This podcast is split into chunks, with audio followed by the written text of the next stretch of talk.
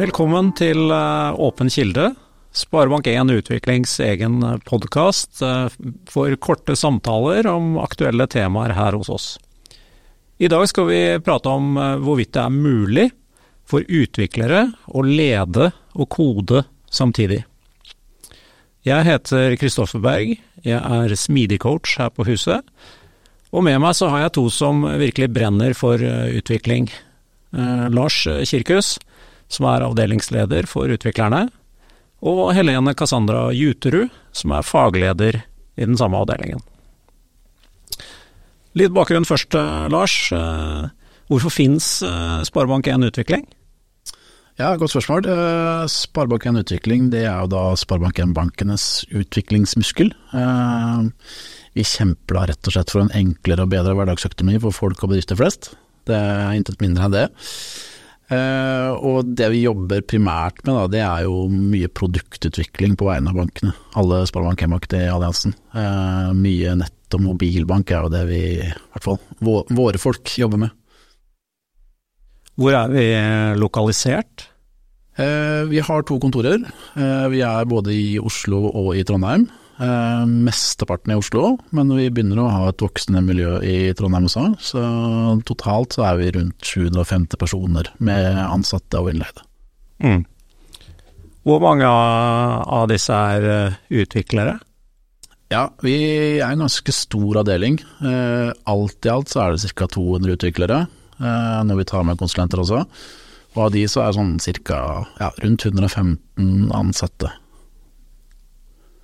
Og de sitter da altså I daglig så jobber de og de har rundt ja, 40 tverrfaglige team. Eh, og så er alle de da samla i én fagavdeling hos meg og Helene, da. Mm. Og hvordan eh, ledes eh, denne fagavdelingen, kan du si litt om det? Ja, eh, den eh, tradisjonelle avdelingslederen, det, det, er min jobb. Det som har ansvaret for personalansvar, økonomi med mere. Og så I tillegg så har vi en egen fagleder eh, som ivaretar liksom den faglige utviklingen, kompetanseutvikling eh, til de ansatte primært. Som da er noen ca. 20% stilling, eh, som er en rolle som går på eh, rundgang, si, ett år om gangen. Eh, åremål. Eh, og akkurat nå så er det Helene, hun er vel da den femte rekka, tror jeg, som har det. Sikkert helt, helt feil. Hun skal ha da den jobben fram til neste vår.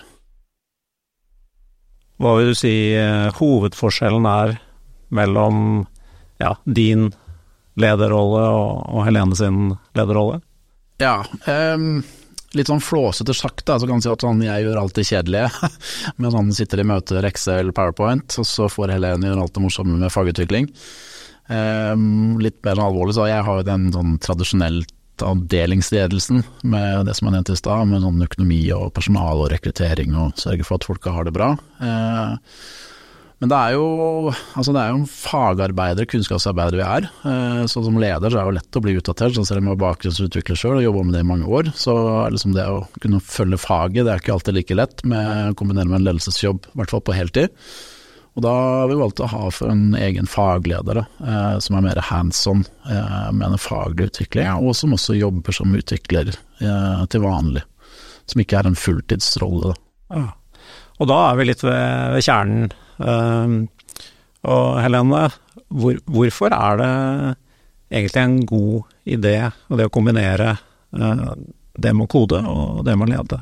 Ja, om det er en god idé, det er jo et godt spørsmål. Eh, men eh, for min del i hvert fall, så er det en fin måte å få litt ledererfaring og teste den delen, altså den karriereveien eller den retningen, uten å måtte gi slipp på programmeringen og det den kodejobben som jeg trives godt med å gjøre.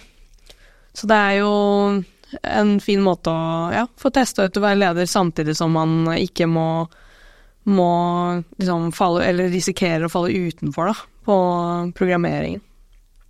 Så da, da, kan man holde seg faglig oppdatert eh, samtidig som man får prøvd litt eh, andre ting i tillegg. Mm.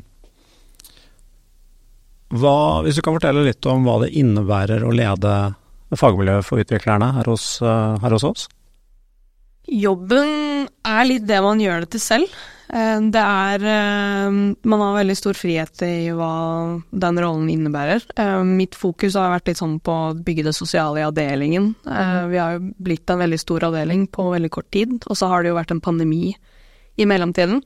Så Men hoveddelen er jo at vi har den fagdagen hver torsdag.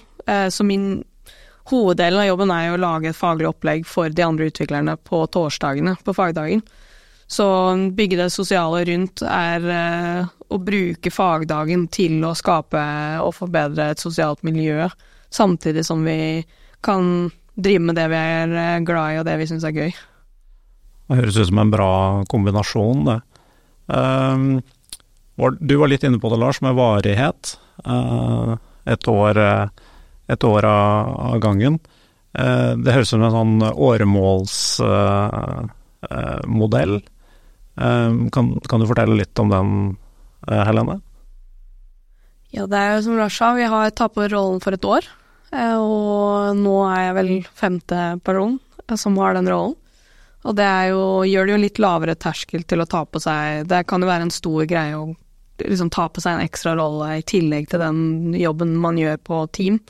Så da det hjelper liksom å vite at ok, det er ett år som jeg får lov til å teste det ut, og så eh, gjøre det litt til sitt eget.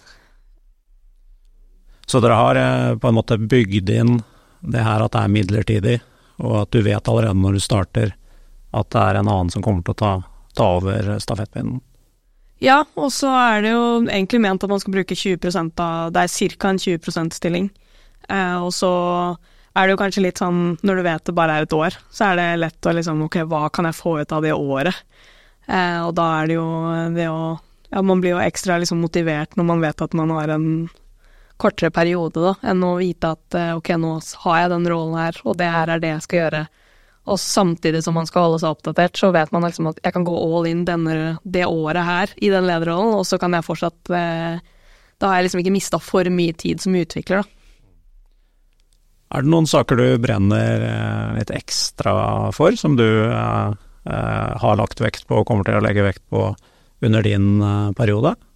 Jeg er jo frontend-utvikler, da, og jobber med designsystem. Så planen min er jo å tvinge folk litt gjennom den, det fokuset, og få litt, litt mer fagdager om f.eks. universell utforming og ja, hvordan vi jobber med designsystem på huset, og det å samkjøre design og utvikling blant annet, er jo et viktig tema for meg.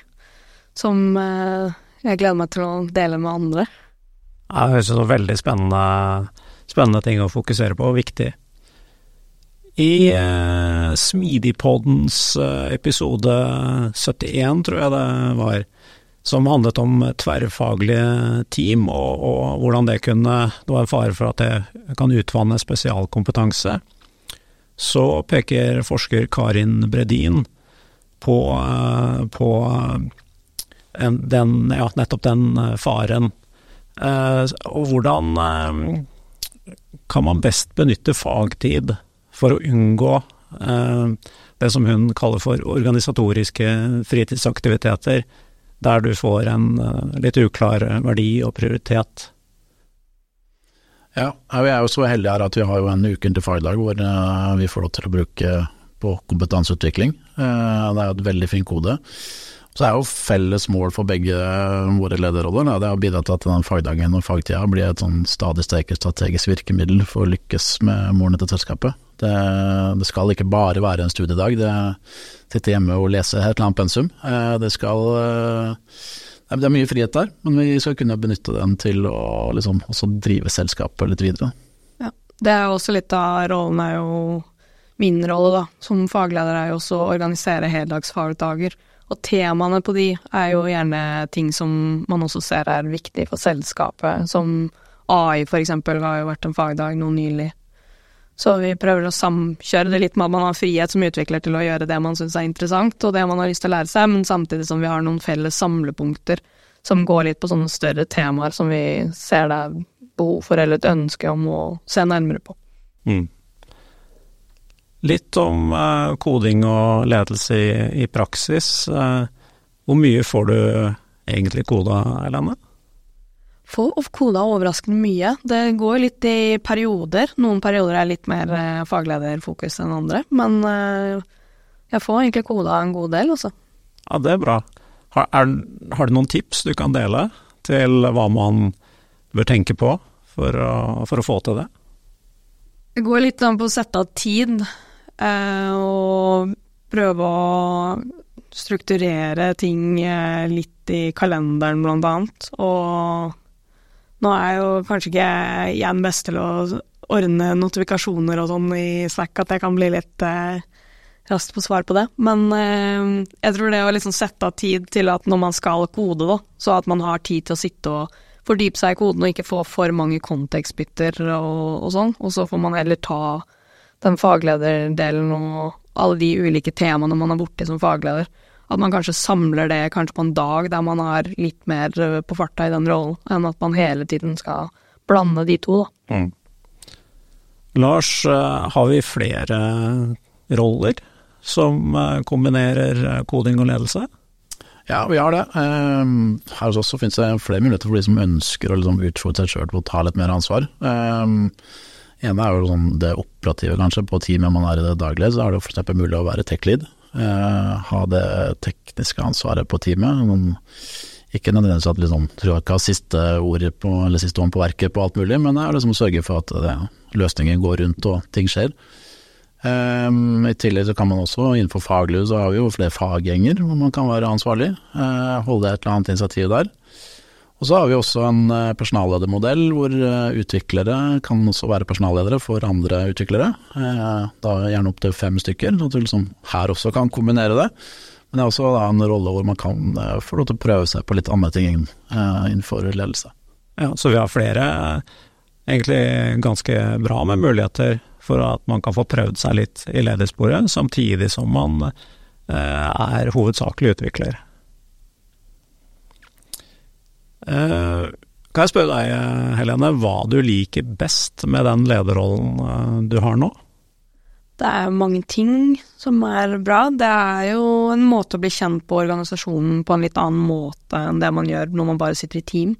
Jeg tror som utvikler på vi har jo veldig mange ulike team som jobber med veldig ulike ting, og da er det veldig fort gjort at man blir veldig sånn veldig god på domenekunnskap innenfor det teamet, men er, det er kanskje vanskeligere å liksom heve blikket og se organisasjonen litt, eh, og avdelingen litt sånn utenfra, så utenfor teamet, da. Så det er en fin måte å få det fokuset, og bli involvert i en del uh, initiativ på huset som man uh, kanskje ikke ville tatt seg tid til når man bare jobber på team.